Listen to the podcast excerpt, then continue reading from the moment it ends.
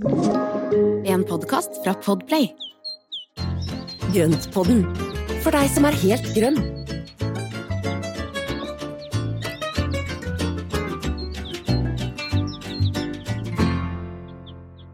Hallo, alle sammen. Velkommen til ny utgave av Grøntpodden. Du, Espen, Ja, er du klar? Ja. ja nå er jeg vi så klar. Jeg er Ja. så klar. Du er så klar. I dag skal vi, jeg vil si at i dagens tema, da er du på hjemmebane. Eh, og jeg er ikke det. Uh, men Men vi er Glad i jord, mener du? Glad i jord og kompost. Men vi skal snakke om kompost i dag, nemlig. Men jeg vil jo si at begge to er enige om at det er innmari bra å Mm. holde på med kompost. Og i dag skal vi på en måte forsøke å få forklart hvorfor. Altså hva som er poenget med kompost, og ikke gjøre, og gjøre det litt mindre vanskelig enn det mange tror det er, da. Ja, men det er jo ikke noe, det er ikke noe hokus pokus. Nei.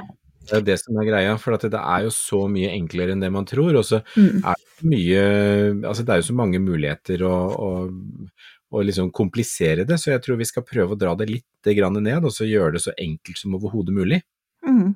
Høres bra ut. Tror du det? Men før Ja. det, skal vi bare ta en For du fortalte forrige gang at du skulle ha noe sånn brudeshow. Kan du bare fortelle kort Ja. om hvordan det var? Altså, må jeg, må jeg fortelle kort? Kan jeg ta en gang? du kan gjerne fortelle litt langt hvis du vil. Jeg bare tenkte at vi skulle liksom få et sånn drypp av glamour inni denne ellers veldig sånn jordbrune eh, Episoden. episoden. Ja, nei, det var, det var altså så hyggelig. Jeg var jo da på Illums bolighus i, på deres brudemesse og hadde fått tildelt eh, ti Ja, det var, det var, jeg ønska meg noen ekstra vaser, så jeg fikk 15 vaser som jeg kunne leke med. Hadde handla inn masse blomster, fylte bilen med blomster, dro ned. Eh, var der en tur på fredag kveld for å pynte et bord nede i kjøkkenavdelingen eh, som de hadde dekket opp, og så på lørdagen så sto jeg da fra klokken halv elleve til halv seks og bandt altså rundt 20 buketter med masse spørsmål, masse folk som kom og gikk, kjempegøy, og så mye forskjellige vaser som gjorde at man fikk da veldig forskjellig uttrykk på disse blomstene og bukettene. Gøy. Det var så moro. Det var så moro. Ja, det så helt er, herlig ut. ja, altså, og det er så gøy, for det er med da Det er jo dette som er faget mitt opprinnelig, Mm. ikke sant. Det er jo da blomsterdekorering, og, og det å kunne da begynne å leke litt med materialene igjen, og, og virkelig få utfordring med vaser og sånn, var kjempegøy, altså. Mm. Ja, det høres så utrolig inspirerende ut. Jeg tenker at hvis du er Hvis du skal ha altså, bryllup eller en annen fest også, der du trenger å skal Mm. virkelig slå på stortromma med litt herlige blomster og sånn, så må jo det vært midt i blinken. Ja. Nei, og det er jo det å leke litt med former og farger, og ikke minst så endte jeg jo da selvfølgelig opp med å kjøpe en ny vase, for det er jo litt glissent i vaseskapet her. Eh, Jeg har litt lite vaser. Ja, det kan jeg tenke meg. Hva slags vase kjøpte du da? Eh, Jeg kjøpte en fra Hein Studio som ser ut som en sånn nesten hogd ut i en glassbit, som er veldig, veldig kul. I Mm. grønt, flaskegrønt. Ganske tung, solid sak med litt smal tut, eller topp. Så det som er så fint med den, er at når den er fylt med vann, så tåler den litt vekt sideveis, så du får en litt sånn japansk uttrykk. Å ja. Med litt Ja. magnoliagreiner for eksempel, og så videre. Mm, mm. Kjempefin. Høres veldig fint ut. Apropos magnolia, så har jeg nå Jeg tok jo plukka inn noen Var det forrige uke? Og nå er de i full Ja. og nå lukter det den der spesielle, litt sånn litt sånn småtunge, parfymerte duften sprer seg nå på kjøkkenet sammen med middag og, og sånn. Ja, så herlig. Ja. Men den, du har jo den fineste av de alle, altså den derre solangineaen, de store, ordentlig flotte blomstene. Så den er jo spesielt, den er spesielt fin, da. Hvis du sier det, så kan jeg være enig med deg. Det, jeg har ikke så mye oversikt. Altså, jeg har ikke noe aller magnoliaer enn den, ja, så jeg, det, det, jeg syns den er veldig fin. Ja, jeg har en, men den er mye mer spinkel og liten, jeg vet ikke hva det er for noe uh, for sort, for at jeg fikk det som en halvdød busk av en kompis som driver blomsterbutikk for uh, ja, tolv år siden. Den navnet hadde falt av, og busken var halvdau, så jeg bare spadde ned for å se om den kom. Og nå er den altså tre meter høy, Oi. og sikkert to meter vid, og blomstrer hvert år med masse, masse, masse blomster, men de er små og rosa. Mm, Og så legger de seg ganske kjapt bakover og blir litt sånn rufsete. ja, men det syns jeg egentlig at de her også gjør. Sånn, i hvert fall okay. inne, da. Stakkars. Altså, de kan jo ikke noe for inne, de holder lenger ute. Men akkurat nå, Ja. så ja. Det, blir, det er litt for varmt for dem her inne, tenker jeg. Så Men de utvikler seg også annerledes inne, for at de har ikke kreftene i rota, vet du. Nei, det er sånn det er. Så den forsvinner nok ut i løpet av en eh, dag eller to, tenker jeg. Men vi koser oss med dem så lenge det varer. Så, Det er bare å nyte så lenge det går. Absolutt. Men du, skal vi rulle i gang med vårt jordnært Kan vi si jordnært tema om kompost? Ja, vi kan jo det. Jo, det er jo veldig jordnært. Espen, altså nå har jeg da egentlig ut fra min egen sånn uh, manglende forståelse for hva kompost er, lagd noen spørsmål. Så jeg tenker vi Mhm. begynner på toppen med hva er kompost? Kompost er ganske enkelt plantemateriale som brytes ned, eller organisk materiale som brytes ned og, forblir, eller, og blir omdannet til jord, eller Mm. da næringsrik masse som vi da blander inn i jorda. Mm. Og det For er egentlig består av både plante... Eh, Plantemateriale og, ja, og mineralsk mineralske man... Ja, for at du har jo mine... Gullstjerne og ti poeng jeg sa litt feil, men jeg mente mineralsk. Yes, så bra. Takk. Ja, så bra. Nei, så det er, eh, jorda består i større eller mindre grad av mineralsk materiale, som er da små store steiner, sand, eh, s- steinstøv til det minste, altså leire, er jo da det helt fineste fine av, av steinmasse eller mineralsk. Og så har du da humusstoffer eller da organiske stoffer som er plantemateriale osv., som brytes ned, som da blander seg med dette. Og i, da har du da helt fra torvmyra, som er liksom bare plantemateriale, til eh, leire som er nesten rent steinmateriale. Så da har du alle graderingene innenfor det. Så har du sand, og du har sandjord, og du har, da kan du blande inn i andre jord. Så vi skal jo gå mye mer inn på dette med jord senere, for at vi skal snakke litt om, eh, om jord og jordtyper og sånn på en, i en senere episode. Men komposten er alt organisk materiale som brytes ned til jord. Og det skjer jo naturlig i naturen hele tiden. Ja, det skjer hele tiden. Hele tiden. Og det, du kan se det på løvet. Nå, nå når snøen begynner å forsvinne, så ser man det løvet fra i fjor som bare ligger igjen som, som smårusk, og nervene har begynt, eller kanskje bare nervene som er igjen. Alt det tynne materialet, det er Mhm. borte, for at det har jo liksom blitt brutt ned, og så smuldrer det opp, og så går det ned i bakken igjen. Og Ja. det er jo supermat for meitemark og annet småkryp i, i eh, jorda. Og de henter jo med seg det her ned, ikke sant? De tar ja. seg en liten bit av et uh, slush-løv og drar dem nedover.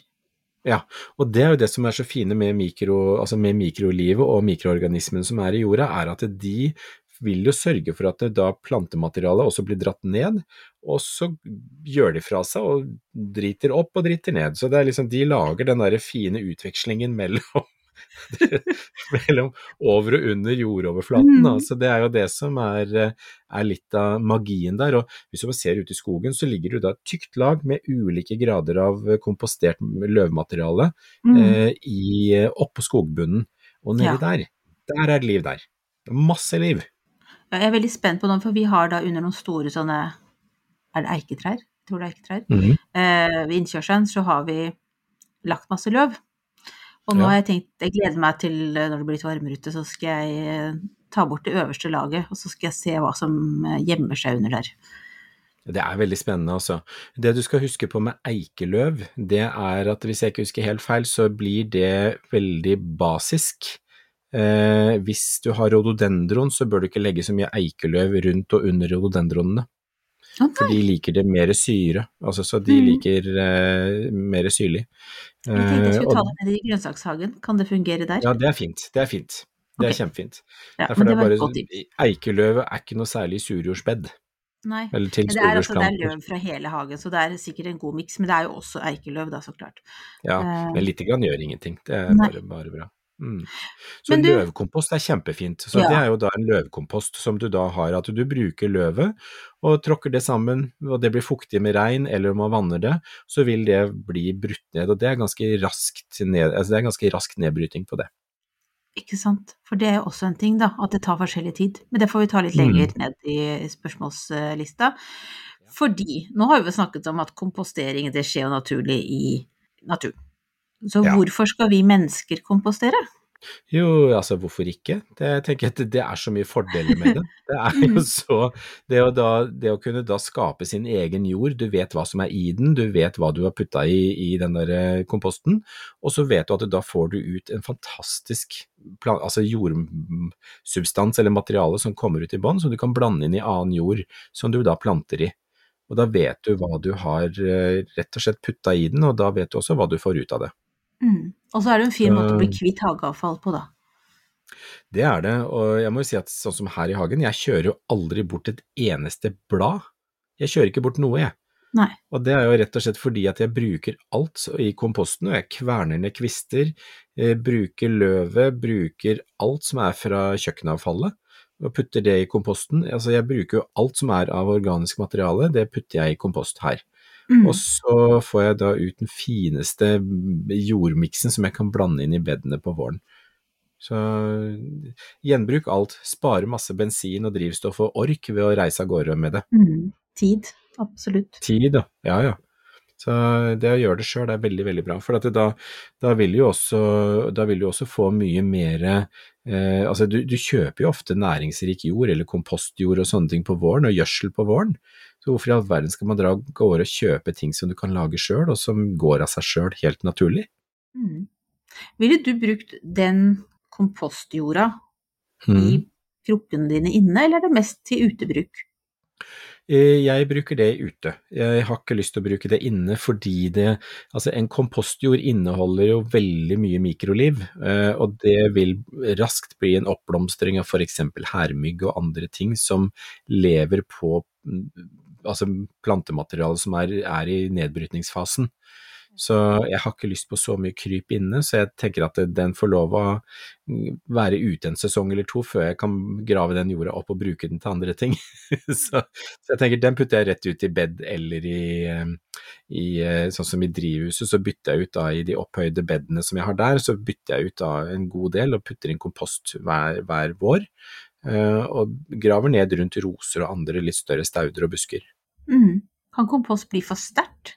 Altså, Det Må man alltid det, blande ut? ja. Ja, jeg mener det at den, eller min erfaring er at den kan bli for sterk, for hvis du er for sterk eh, både kompost og næring til plantene, så kan du svi av røttene. Så det er veldig lurt å blande ut. Så jeg blander ut, ja, nå legger jeg en ordentlig god skuffe, eller et par sånne små gode håndskuffer. Eh, hva heter det, de der små, ja, sånne små hånd... jeg ser for meg Ja da, da gjør vi samme bevegelse. De deres, hva heter det, liksom Vi håndverktøy? kaller det sånn, håndspade, vi. Ja. ja, håndspade. Og Mm. tar så et par sånne skikkelig gode sånne og legger på f.eks. en rosebusk, og så hakker jeg det forsiktig ned i øverste, øverste jordlaget rundt planta. ja. Og, og da vil det også, når det regner og jeg vanner, så renner jo da næringsstoffene ned og liksom brer seg rundt røttene på en fin måte. Det blir det gradvis eh, tilførsel av de Mm. næringsstoffene som er i komposten. Høres Ja. veldig lurt ut. Nå har jeg ett spørsmål til før vi tar en liten pause. Ja. Og det er hva er forskjellen på kaldkompost og varmkompost? Ja, det er, eh, det er en eh, Altså, en varmkompost, den er lukka i en lukka beholder. Den må jo ha oksygen og sånne ting, men den får en veldig mye høyere temperatur og gir en mye raskere nedbrytning enn en kaldkompost. Eh, varmkomposten kan fint komme opp i en 60-70 grader, som er helt naturlig prosess. Det er helt Og det er, ja, det er helt vilt. Det er, eh, ja, altså jeg har jo sagt det noen ganger at min, eh, min store forelskelse i fjor sommer er jo da Biolan-kompostbingen min som jeg kjøpte for feriepengene mine. Mm. så, og den var jeg nede og så på nå når det var 15 minusgrader ute, var det 30 grader oppi den boksen. Og den er, det er ingenting annet enn da naturlige prosesser som foregår oppi der. Så de vil, den, den høye temperaturen gjør at du får en mye raskere nedbrytning, og du kan bryte ned mye større, større biter av f.eks. kjøkkenavfall og sånne ting. Eh, en kaldkompost den fryser gjerne nesten ned på vinteren, kan være frostfri i midten, men normalt så går det mye langsommere, og så kan man da vende den et par ganger i løpet av eh, tiden den skal kompostere, sånn at du da får blanda inn mer jord, jordmasse imellom løv og kvist som gjør at den da vil brytes ned. Eh, Men det tar gjerne én ja, en til to sesonger. Ja. Mm. Kan man si sånn at det som man kan ha i en kaldkompost, kan man ha i en varmkompost, men ikke omvendt? Ja, det er en veldig god, god, forklaring, fordi i en kaldkompost så er det jo åpent, det er ofte en gitter eller sånn der plankevegg rundt, ikke sant, og det gjør at eh, da vil rotter og gnagere og mus og skjærer og gud hjelpe meg alt mulig rart komme og rufse rundt i det, og det vil vi ikke. Mm. Nei, så ikke noe matrester i kaldkomposten. Der holder vi oss Nei. til uh, hage, iallfall. Har du et enkeltpersonforetak eller en liten bedrift? Ikke det? Nei. Nei, men da holder vi det enkelt og gir oss her. Fordi vi liker enkelt. Fiken superenkelt regnskap. Ungsamtalen fra DNB er økonomisk veiledning tilpasset deg som er ung. Bokk en ungsamtale på dnb.no. slash ung. Det er kjempebra hvis du skal inn på boligmarkedet! Hvis det er drømmen din, liksom. Det er ja. det du skulle sagt. Og så kunne du ropt litt mer, da, sånn som jeg gjorde. Bam! Oh,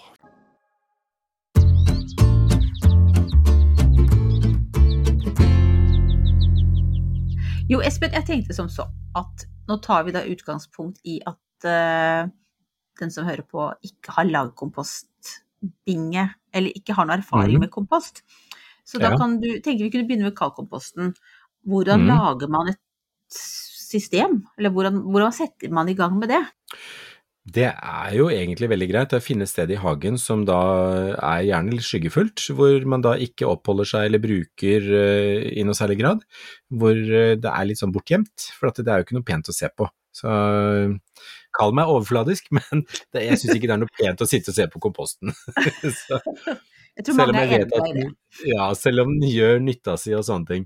Men det som er veldig fint, det er å da lage f.eks. to rom og det, jeg husker jo da fra jeg var liten, mormor komposterte jo alltid alt plantemateriale, så jeg har jo lært mye av henne der, og, og mamma og pappa gjør jo det hjemme også. Eh, og da Pappa har jo faktisk integrert en kjempestor kompostbinge ned i plenen. Eh, som, er, som da skuffer ut i bånn, er en veldig morsom, eh, morsom eh, løsning, egentlig. Det som da kan gjøres med en vanlig kaldkompost, f.eks. i en del av hagen, sette opp to-tre skillevegger, sånn at du da får to rom og så en bakvegg, og så kan du kaste inn da alt plantemateriale og sånn inn der. Unngå gressrøtter Nei, unngå Gressrøtter skal du gjøre. Nå, unngå eh, ugressrøtter ja. og frø fra ugress. Mm. For det er to ting som ikke behøver å gå i kaldkomposten. Eh, for der blir det ikke varmt nok til at det knekkes. I en varmkompost så kan det gå greit, hvis det da blir godt og varmt der. Mm.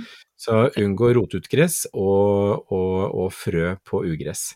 Men det du da må gjøre, det er å legge inn litt kvistmateriale, litt sånn kvist og sånn i bunn, og så legger du litt løv, og så legger du kanskje litt småkvist, kanskje fra kompostkverna, sånn kvistkutt, mm. og så legger du inn litt løv igjen, og så legger du inn litt gress, avklipt gress som du drysser inn der. Så legg litt sånn lagvis, og sørg lasagne. for at det da ja, litt lasagne. Mm. Og sørge for at det da blir eh, altså oksygen inn i massene. Og så gjerne vanne over en gang iblant, så den skal ikke tørke. Det skal være fuktig der. Ja. Mm. Er det sånn da at man, så når du sier oksygen, så mener du at det skal ikke ligge supertettpakka? Nei, og hvis du har et kjempetjukt lag med Altså har du høsten, da, hvor du soper inn en, en, et halvt tonn med løv som ligger i 20 cm paddeflatt greie, det er ikke bra for noe. Det bruker litt lengre tid på å, å komposteres, og så begynner det å råtne fremfor å, å brytes ned til jord. Så det skal være litt oksygen inni der, det skal være fuktig, sånn at meitemarken trives og kan grave seg hit og dit og spise og gnage på dette her. Det er masse biller og småkryp, alt dette her, det skal kunne leve inni der. Så, så, da lever de inni der, og så koser de seg, og så har de eh, eh, Altså etter hvert så brytes jo dette ned, så vil det da bli dannes jord i bunnlaget der. Og når det har kommet så langt, mm. så du har altså innreda en toroms, da, da mm. bruker du det andre rommet til hva da? Ja. Og da kan du vende komposten, du da snurrer rundt på den, og så vender du den over i den andre, og så skal den da ligge og hvile da kanskje til over vinteren. Når våren kommer, så kan du sikte ut det som da er blitt jord, eh, og så tar du det og blander det ut i hagen og jord og bruker det ut i hagen der hvor du vil, og så putter du det som er ikke brutt ned, det putter du tilbake inn i første bingen. Sånn at du okay. har en sånn syklus.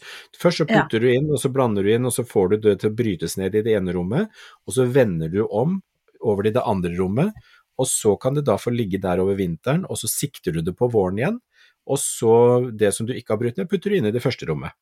Så det blir jo egentlig sånn derre, hva skal man kalle det, litt storlek, altså fra den ene til den andre. Mm. For jeg trodde jo at det var sånn at når man liksom da flytta seg over til rom nummer to, Mm. så lå det igjen jord nederst i rom nummer én, som man brukte. Men det er neste steg igjen. Alt skal over i rom nummer to, Alt kan ligge over i rom nummer to. og så når det er tilbake til rom nummer én, så kan det ligge igjen litt jord, eller masse jord, i rom Mm. nummer to. Ja, og det okay. bruker man. Og det bruker man. For da er det veldig greit at den da får ligge over vinteren, for at da får den altså hva, hva kaller man det, at den brenner ut, eller at det ikke det blir for kraftig det som er. Ja. Litt sånn som det er med hønsemøkk, ikke sant. Ja. Den bør ligge, hvis du har fersk hønsemøkk og, og mye, mye naturgjødsel, så bør det kanskje ligge over vinteren eller sånn, bare for å brenne ut litt, for at ikke det skal bli for sterkt for Ja. plantene. Ja. Mm. Litt mindre potent, det som er i den, at det liksom svekkes litt, da. Mm. Ja.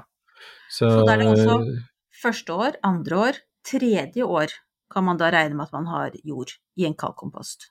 Er det sånn? Ja. Ja. Ja. Og da bør du ha ut ganske mye, og da kan, du, da kan det hende at du kommer ut med trillebårlass eller to, altså. Det kan jo være litt avhengig av hvor mye plantemateriale du har. Altså, jeg ser nå for meg veldig Jeg tror jeg har nevnt denne, denne personen før, men Hanna Hellquist, svensk eh, Mm. programleder, som hadde, lagde hun hadde program fra landstedet sitt. Og da lagde de det i hvert fall med sånne pallekrager. Krager? Paller? Ja, pallekarmer. Europaller? Pallekarm? Ja. Ja, Nei, pallekarm. Palle, altså paller. Vet ikke Ja. om jeg sier krager. Paller, rett og slett. Mm. Europaller. Så den bygde rundt. Og det har vi mange av. Så jeg sånn, tenkte jeg skulle forbedre mitt eh, kompostsystem. For jeg har en ettroms akkurat nå, pluss bare åpen plass ved siden av. Så det ser helt kaos ut.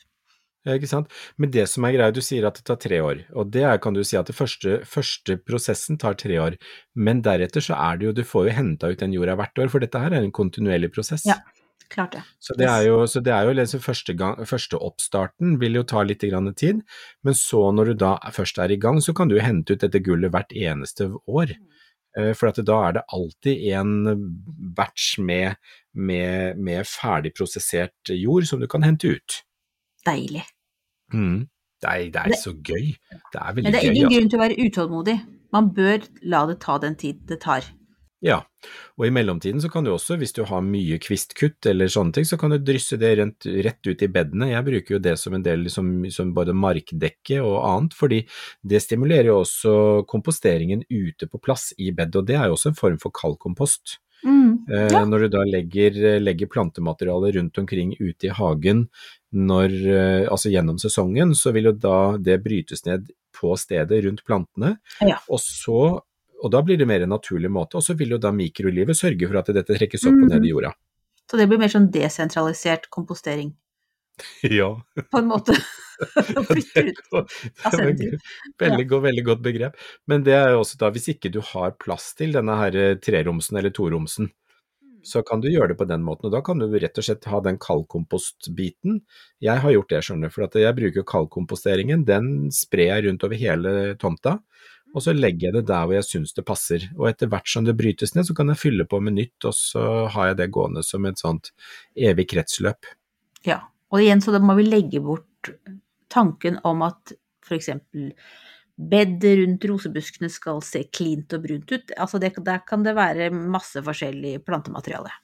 Ja, altså det er ingen sted i naturen hvor jorda er synlig og åpen, annet enn der hvor det har vært jordras eller naturkatastrofer. Nei, men det er ikke det. Jeg vet Eller brann. Det er Jeg liksom, syns du er understreker poenget kjempegodt nå, Espen. ja, så bra. Så all jord ute i naturen, den er dekket av et lag med kompostert materiale, eller et materiale som er i kompostprosessen. Og det kan vi også ha i hagen. Ja, ikke sant. Vi er jo i naturen. Ja, spille på lag med naturen, det må vi hele Alltid, tiden tenke på å gjøre. Alltid, alltid. Og hull i bunn. Og hull i bunn. Og rot og topp henger alltid sammen. Yes, da har vi jo sagt det vi mener. Det er våre, sl våre slagord. Nå skal vi straks gå videre til varmkompost, men jeg bare tenkte, liksom før vi avslutter kaldkompostdelen, hva Mm. slags problem kan oppstå, og hvordan løse disse problemene, eller dette problemet. Du sa jo det med at det kan begynne å råtne. Skal man da Ja. liksom, hvordan den der balansen mellom altså mykt og tørt Ja, grønt og brunt materiale, altså det vil si Ja. at du da tenker at grønt er, bland, er blader og, og liksom myke stilker og sånn, altså det grønne delen av plantene, og brunt er jo da kvister eh, og kvistkutt, altså tenk bark. Alt med bark på, det er litt mer langsom prosess på. Alt det grønne har en raskere prosess. Og det bør være en fin miks av de to tingene for at det skal være en god, eh, god prosess i komposten. Hvis man bare har mest av en av dem, da? Hva gjør man Mm. da? Skal man gå til naboen og spørre om Ja, det kan man godt greiner, for Også, ja, enten det, eller klippe ned litt ekstra ute i hagen. eh, men det som også er viktig, å sørge for at den alltid er litt fuktig. Eh, er det en veldig, veldig tørr sommer, så kan det også være lurt å gi litt grann vann på komposten, eh, i tillegg til rundt omkring i hagen og bed. Så hell på en der en gang iblant. Ja. For hvis Mm. du ikke har litt fuktig, så vil hele prosessen stoppe opp, eller Da stopper den opp. Ja. Ja, ja, da stopper det. For at det tørker det, så stopper det. Og det, eh, det, det er avhengig av fuktighet og oksygen for å ha en god prosess. Men det føles jo fortsatt bedre ut enn at det begynner å råtne.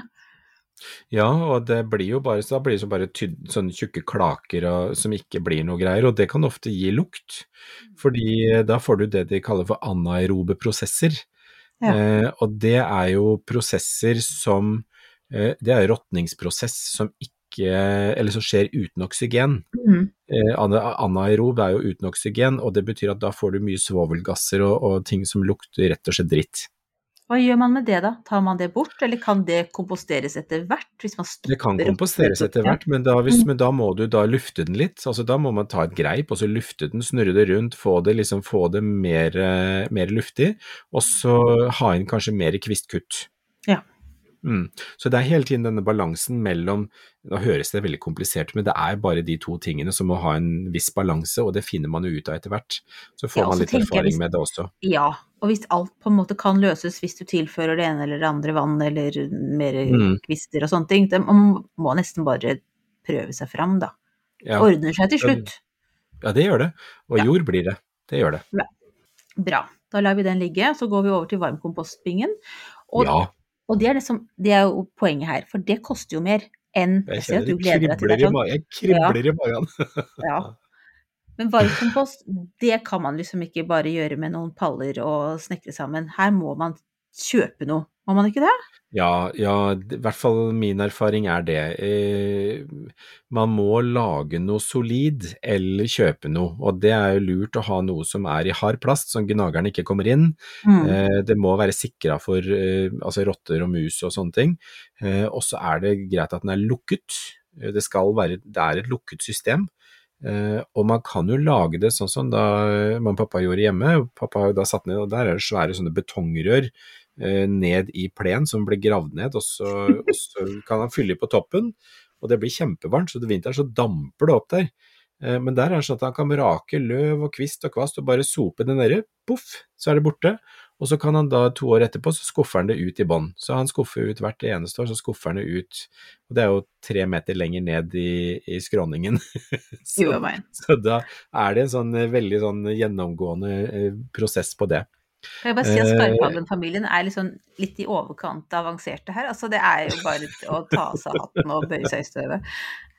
Ja, det er morsomt, så det er veldig, veldig gøy, da. Men eh, den, det, er jo, det er jo akkurat samme prosessen sånn som den som jeg kjøpte i fjor, hvor, hvor eh, ja, det er en investering, men når jeg ser hvor mye den tar unna, og hvor fort det går, så den jeg kan putte oppi og putte oppi, og så bare går det en lite øyeblikk, så vosj, så synker det sammen, og så kan jeg hente ut jord der i løpet av et halvt år, så begynner det å ligge jord i bånn, eller som jordmateriale som jeg kan blande ut i, i, i bed og sånne ting. Er det Eh, en annen type jord? Blir det liksom samme Nei. konsistensen og sånn, eller Den er, det litt, den er litt seigere på en måte, for her putter jeg jo også oppi kjøkkenavfall. Jeg putter ikke oppi for mye sitrus, eh, fordi at sitrus, altså sitrusoljene, de er ikke, brytes ikke så godt ned. Mm. Mhm. og, så, tar jeg ikke kotelettbein, Nei. fordi det som er med kotelettbeina, at de rekker jo ikke brytes helt ned, eh, og jeg har ikke lyst til å ha det ut i bedene hvis eh, bikkjene finner det og får tak i det. Mm. Så det er rett og slett i forhold til bikkjene. Ellers så ville det gått greit med kotelettbein også, så ville alt kunne gå ned, og så brytes det ned. Så kaffegrut, eggeskall, eh, rester hvis det er noen matrester som, eller som en ikke har. Hvis melk har gått ut på dato, så tar jeg også blander ut den med litt grann lunka vann og heller oppi komposten. Det gir ekstra fart på den. Eh, rekeskall, det, det lukter jo litt, men eh, de, når det først kommer i gang, det er krutt for komposten. Mm. Og har du tilgang på litt tang. Det kan du også bruke i kaldkomposten, Tang, hvis du Mm. bor langs med kysten. Tang og tare. Putt det oppi. Det gir kjempefin næringsrik jord. Så alt mulig sånt rart, men igjen, her også så er det viktig å ha en balanse mellom kvistkutt, altså brunt og, og grønt materiale, pluss da matrester. Eh, og ikke putt oppi, oppi naturgjødsel, altså hvis du har bikkjer og sånn, ikke putt oppi bikkjedritt, det skal ikke oppi. Nei, fordi Bare for at det er ekkelt? Fordi det blir Nei, det er, nei, det er fordi at det blir for Det kan bli for kraftig, og det kan bli, det blir for eh, den, den er bedre å grave ned noe sted. Grav, mm. skuff, lag et lite hull rundt rosene, og så skuff det ned der, så blir det kjempefine roser. Er sant. Ja, ja, ja. Altså, jeg kjenner, kjenner jeg på litt sånn misunnelsen her, for du vet at jeg har jo, eller mannen min fant jo en utrolig vakker varmkompostbinge, som også skulle Ja. være veldig smart. Men vi må jo bli ferdig med den der eh, delen av hagen der den skal stå. Og jeg ja. ønsker meg så varmkompostbinge, altså. Kanskje jeg kan ønske Ja, meg det det- til 50-årsdagen min?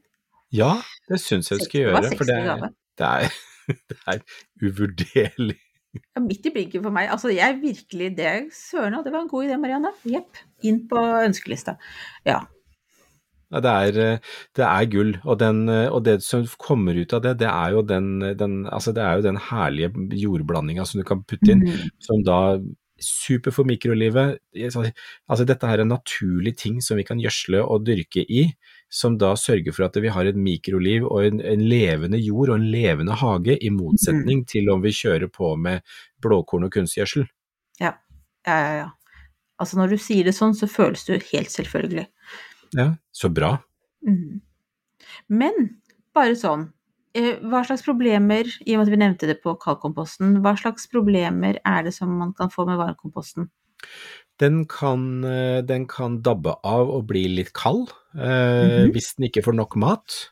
Så den trenger jo, den, den må jo mates med Ja, så du har jo egentlig sånn eh, Det å putte oppi da jevnt og trutt, og så tar du bare, har du en liten sånn pinne som du stikker nedi med mottakere på, så du trekker opp og ned litt, grann, Mhm. så at du får blanda sammen litt grann av det øverste, øverste laget med, ny, altså med nytt næringsrikt eh, materiale. Og da holder den seg i gang. Så, og hvis den da skulle dabbe av eh, og bli litt sånn der eh, lav på temperatur, så kan man da eh, egentlig gi, gi litt ekstra med mat og putte oppi litt ekstra næring, og så finnes det da Det finnes da også sånne altså blanding, sånne kulturer som du kan ha i, i, i, i hva heter det, sånn utedoer, som da komposterer mm, fortere. Så det er okay. sånne enzymer og bakterier som du kan helle oppi. Men det, vanligvis så er ikke det nødvendig, for det er det pleier å sånn, gå skal man helt av seg strø sjøl. noe spesielt oppi varmkomposten? Er det noe sånn Du kan bruke strø oppi. Jeg har jo fått med da når jeg fikk denne her dingsen, så fikk jeg jo da med et par sekker med sånn, sånn Det ser jo ut som kvistkutt, så jeg bruker jo heller kvistkutt fra hagen, jeg. Så jeg har ikke brukt det som jeg fulgte Nei. med, og det går som ei kule. Det er kule varmt, for å si det sånn. er kule varmt? Kan det bli Mm. for aktivt? Kan man mate Nei. for mye? Nei, det tenker jeg at det stopper seg sjøl. Så hos meg så lå den på rundt 70 grader i fjor, og den var litt ja, den var på rundt 70 grader i fjor eh, sommer og utover høsten, og så har den dabba av ned på rundt 30 grader i vinter. Når jeg var ute og så på nå for et par dager siden, så var den på 20 grader. Så nå, hos meg så trenger den nå litt mer fart, men det er jo kult at den er på 20 grader når det er opp mot 10 minus om natta. Ja, det er det jeg tenker. At det er, Inni Ja. denne boksen så ser det ut som en stor søppeldunk. det er egentlig Det er der bare- flytte, flytte inn om vinteren og bo der. Sydentemperatur i, i varmkomposten. litt- Ta med seg paraplydrink. Uff, nei. Det finnes det fins vel bedre, bedre steder å være. Hvordan kan man se at komposten er klar til å brukes til Altså blandes inn i jorda? Skal man, er liksom Ja, da ser du bare. Du, altså, sånn som varmkomposten har jo en luke i bunn, som du da kan bare åpne opp, og så ser du. Og hvis du da ser at det er bare jordmaterialer og nesten nedbrutte materialer altså Hvis det bare er så vidt det er rester av plantemateriale der, og det stort sett er jord, så er det bare å skuffe ut så mye som man kan av det, og så begynne å blande inn med, med annen jord. Ja. Så, Det trenger ikke å være helt homogen, Det kan være litt rester og sånn. Altså, Ja, ja, ja, ja. Ja. Og det hvis det er litt kvister og småbiter og sånn i jorda, det er egentlig veldig fint, for da får du mye bedre struktur på jorda enn om Altså har du en helt eh, homogen masse, så vil ikke det bli noe greie på, for da vil den ofte bli for, for kompakt. Eh, og en annen ting er at hvis du har halvnedbrutt plantemateriale eller organisk materiale i jorda, så er det med på å styrke mikrolivet.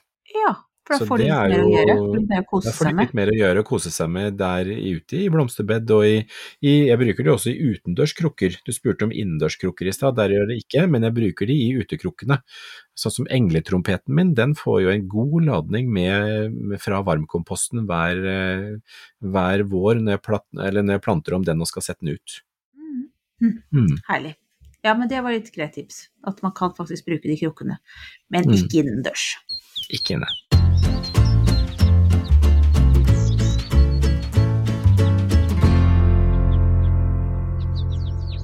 Da forlater vi kompostens uh, herlige Mulm og land. mørke. Mulm og mørke. mørke, det var mye bedre. Ja. Kompostens mulm og mørke. Derfra til ukas plante, som Ja. eh, ofte henger høyt og ser helt fantastisk ut. Wisteria. Ja, Blåregn. Altså vakker, giftig, men vakker. Og den er jo Det er jo ikke den mest robuste planta, men når den først slår rot og trives, så vokser den i et enormt tempo. Ja, den er veldig, veldig glad i å spre seg. du, det kan, det kan du fortelle alt om. Ja, vi har jo en rett ved siden av verandaen, og den er stadig vekk en tur inn på verandaen, så den klippes ned vekk eh, flere ganger i løpet av sesongen. Mm. Og det er jo en klatreplante som kommer da Altså det finnes jo Stort sett så er det et par Altså det er mange hybrider av den, så det er ulike kultivarer av, eh, av wisteria eller blåregn. Eh, Men det er jo egentlig to stykker som vi kjenner ofte til. Det er jo da sinensis som kommer fra Kina, og så har du floribunda som kommer fra Japan. Og eh, etter hva jeg har hørt, så er det sinensisen som er mest hardfør og den klarer seg sånn H3 til kanskje H4 hvis vi er heldige. Eh, og eh, det er en eh, del av de andre, altså de ulike kultivarene som ikke er så, så hardføre, altså. Mm. Det må vi si. Mm. Men man kan lage små mikroklimaer. Det kan man gjøre, og igjen, ingen planter har lest klimasonekartet. Så jeg tenker det er bare å prøve. Så jeg prøvde den her i for... Nei, ikke i fjor, forfjor, jo forfjor. Da kom samboeren min hjem med en kjempefin liten blårein på litt espalier som er planta, og den var fin. Eh, første vinteren, som da var vinter til i fjor sommer, da frøys den jo helt ned.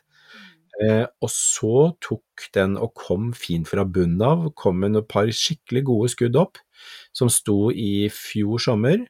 Og det har stått nå ute i vinter, og her for noen dager siden så skulle jeg rydde rundt husveggene, for jeg skal jo da ha opp still, eller skulle ha opp stillas, det kom opp nå, nå disse dagene her, eh, for å bytte kledning på huset. Og så tenkte jeg, ja ja, nei, men den er sikkert fryset ned i år også, jeg klippet den av helt nede, 40 cm over. Gjett hva som var grønt og fint inni, du. Så den var så grønn og fin, så jeg har amputert den der lille blåreinen et år til. Så ja ja. så, det var ikke helt meninga, men uh, ja. Så den, den lever i hvert fall, og det er en liten eh, variant som er Det er en hybridvariant. Jeg er ikke helt sikker på hvilken type det er. For det finnes mange ulike varianter, og det finnes jo hvit blårein. Mm. Som da jeg har hørt er liksom lukter mer og får større blomsterklaser. Jeg vet ikke om det er riktig, Ja. men det ryktet sier det. Ja, og det finnes jo da ulike blåtoner, så det er jo hvitt og blått og ulike sjatteringer innenfor det.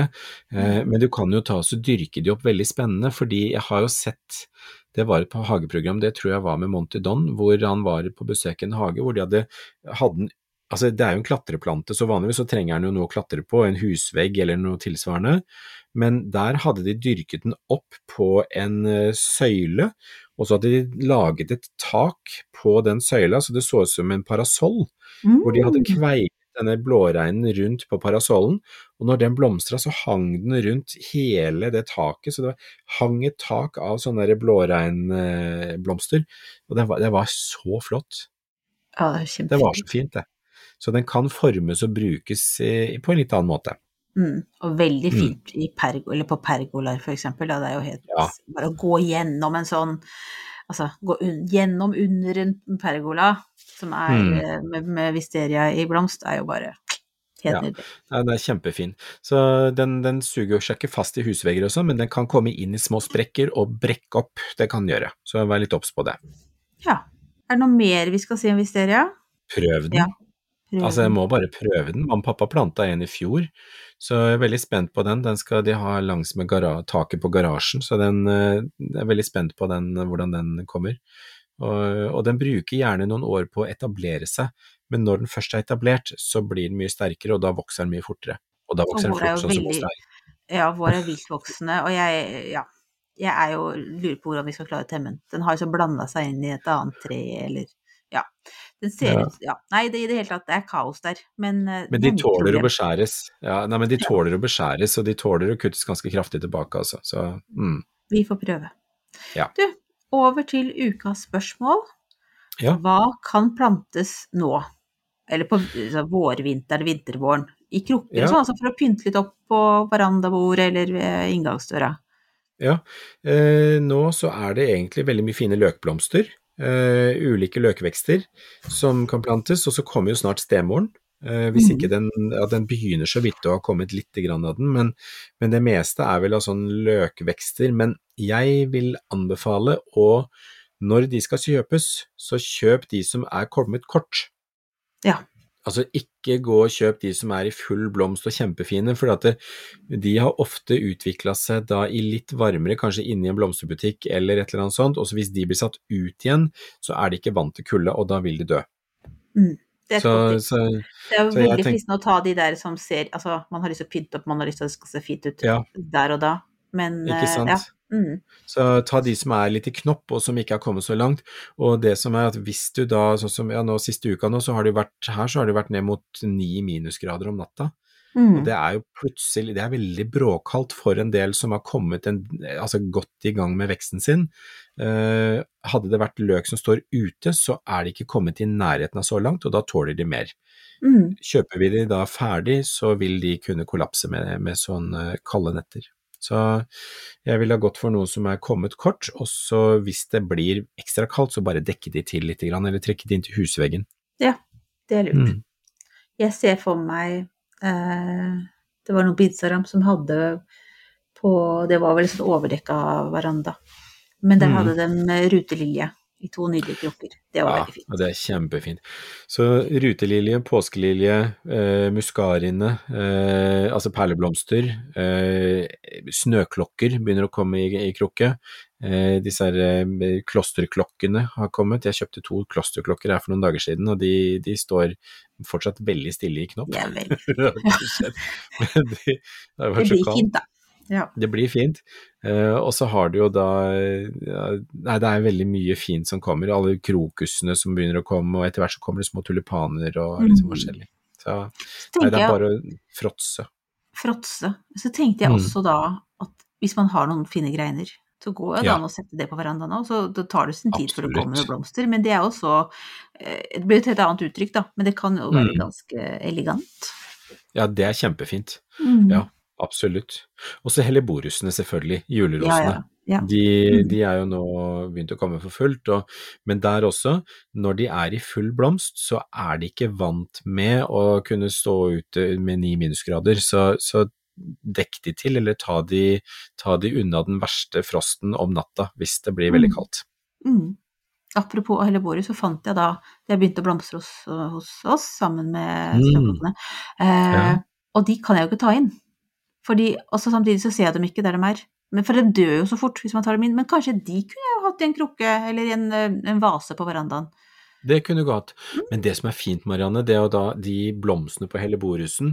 Klaus Dalby har gjort det noen ganger, å ta bare plukke blomstene og så legge de i et fint fat, og så bare Ja. legge de oppi eh, som vann, små vannliljer. Mhm. Superlekkert. Godt tips. Og da holder de seg lenger. ja. ja, kanskje jeg skal gjøre det. Det er jo ikke så Mm. ofte jeg er på, er på verandaen, i hvert fall ikke nå som det er helt drittvær her. Rett og slett. Takk for meg. Skal ikke si noe mer om det. Men du, kan du ikke fortelle Ja. meg da, hva gjør du nå, som du altså har stillas rundt huset, du er ferdig med bryllupsshow, hva er det som Ja. er liksom agendaen eh, de nærmeste dagene fremover nå?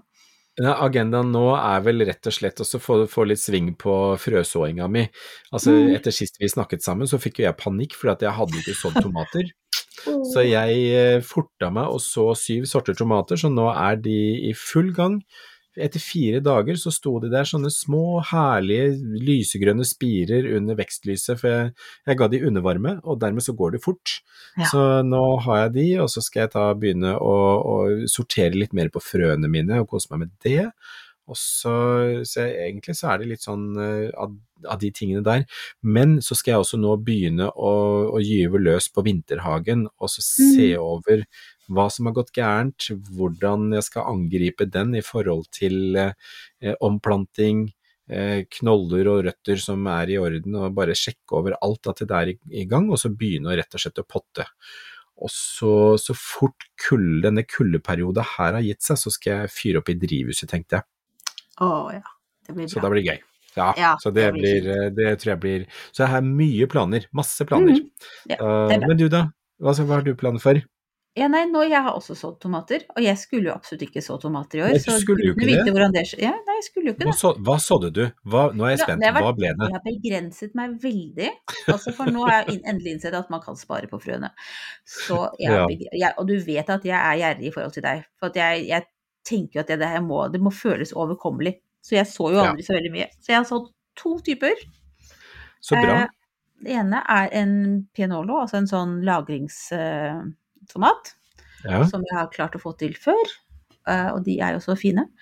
Ja. Eh, Og det er så hyggelig når man kan henge dem i skafferiet og gå og hente seg en liten tomat utover høsten. Ja, det er deilig. Og så den andre var en liten sånn dypt rød kirsebærtomat, eller plommetomat? Nei, altså, ja, nei gud, nå glemmer jeg alle ordene mine. Men jeg tenker at den skal kunne stå på verandaen, istedenfor at jeg skal ha dem langt vekk i stand, så skal de stå lett tilgjengelig. ja, Og da måtte ja. den være litt sånn dekorativ, ikke altfor tomatete, tenkte jeg. Det er planen. fantastisk. Ja. Men kanskje, hvis, hvis det spirer godt, så kanskje du skulle fått en liten sånn Vespolino av meg. Det er en liten, sånn liten Marzano-tomat. Å ja. Ja, for Mm. La, la jeg til side. Fordi at den tenker jeg den trenger et større rigg enn det jeg har tenkt å tilby tomatene i år. Så, så det, men en liten en høres jo fin ut. Jeg tenkte at Ja, det- små modens fortere, mer glede raskere, har jeg tenkt. Ja, men du, vet du hva, da vet jeg at du skal få den der eh, gule, plom, nei, gule druetomaten. Golden Currant. Den er eh, Den den har du er om før. Ja, den har jeg snakka om før. Ja. Den fikk jeg fra Nelson Garden i fjor. Sådde den. Tre planter. Den ga så mye tomater. Og de er så store som uh, små druer. Mm. Men de smaker altså så godt, og de er sjukt gode både i mat, i varmebehandla, men også spise rett av busken. Kjempefine. Ja, takk. Tar veldig gjerne imot den. Ja, Hva het den, sa du? Eh, Golden, Currant. Ja, Mm. godt tips. Eh, og ellers så har jeg sådd eh, kobea. Ja. Det skulle, sto jo at det skulle skje i februar. Det skjedde i begynnelsen av mars, må jeg innrømme. ja, men det går fint. Eh, tenkte at det går bra. Dem, på samme måte som ikke planter kan lese herdighetssoner, så kan de heller ikke lese på, på frøpakkene. Eller kalenderen. Ja, ikke sant? Så det går helt fint.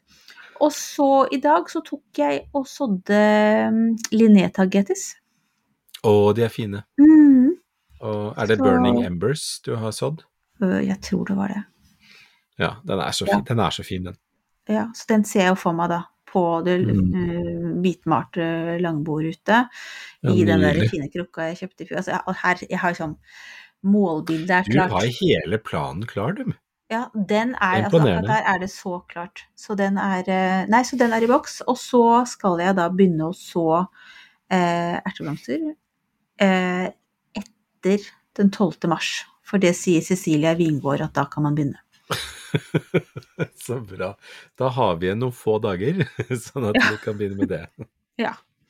Så sånn Men sår, er det. du de rett, men sår du de rett ut, eller sår du de først inne da? Jeg så de f Altså, det er det jeg ikke helt enig med meg selv om, om jeg skal så de rett ut, men i krukker. Fordi jeg Mhm. ser dem i hvert fall ikke rett ut i bed, fordi at det er jo så mange rundt uh, våre medbeboere, de firbente rundt omkring her, ulike sorter, Mm. og også sånne uten ben, veldig små, som liker frø. Og små spirer og sånne ting, så det tør jeg ikke. Men Nei. jeg så jo at Roger Pearson, de driver med sånn eh, at de sår ute i kulden, og de blir så flotte og herdige og tøffe Mm. planter av det. Så jeg er litt sånn Kanskje jeg skal ta sånn A-B-testing? Ja, for jeg gjorde det i fjor, jeg så det ikke rett ut i fjor, eller det gjorde jeg også, men eh, det som jeg gjorde, det var også så de inne, og i det øyeblikket de begynte å titte opp av jorda, så satte jeg de ut. Ja, og de jeg klarte, og de, ja, de var jo nede på, det var jo nede på fem, seks, syv minusgrader om natta, Mm. eh, og så tinte de opp til dagen, og det gikk kjempefint, og det ble så kraftig fine planter av det. Da skal jeg rett og slett gjøre som deg, Espen. Mm. Og de ble veldig kompakte, lave, tette, fine. Så ikke sant, vanligvis så så du de inne og venter, så er det liksom fem til ti centimeter mellom et bladpar, ikke sant. Mhm. Og her så var det liksom et par, et par centimeter, og så nytt bladpar. Par centimeter, nytt bladpar. Ja. Kjempefine. En god start. Ja, nei, det høres hørtes ut som en kjempefin plan. Åh, fikk veldig lyst til å begynne allerede nå. Ja. Vent til etter holdet. Vent, vent, vent, vent. Yes. Sitte på henda. Sitte på henda.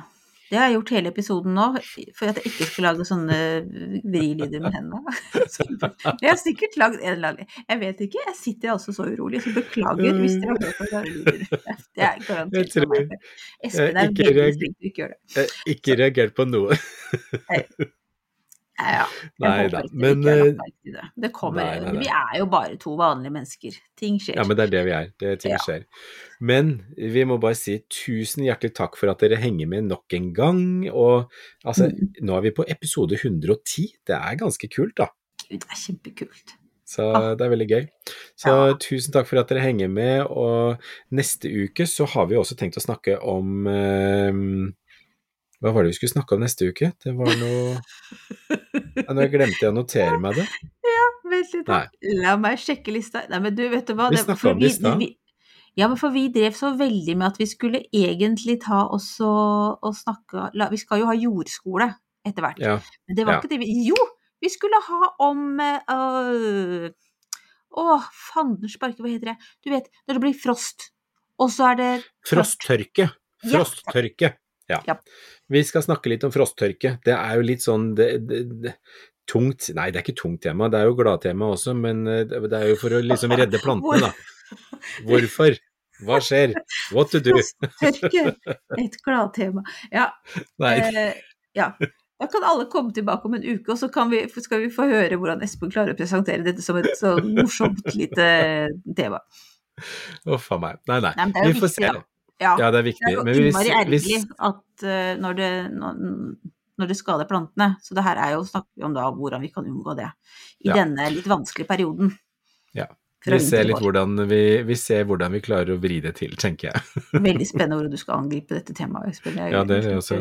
Nå må Sett deg godt til rette i stolen og la deg eh, tenke Nei, jeg må jo gjøre litt research, ja, for jeg må jo tross alt liksom klare å produsere noen spørsmål som du kan få. Yes. Ok, Veldig folkens. Vi har, vi har tydeligvis eh, mye arbeid foran oss før vi møtes igjen til en ny episode. Det gjør vi. Tusen takk for i dag, alle sammen. Takk for i dag. Ha det.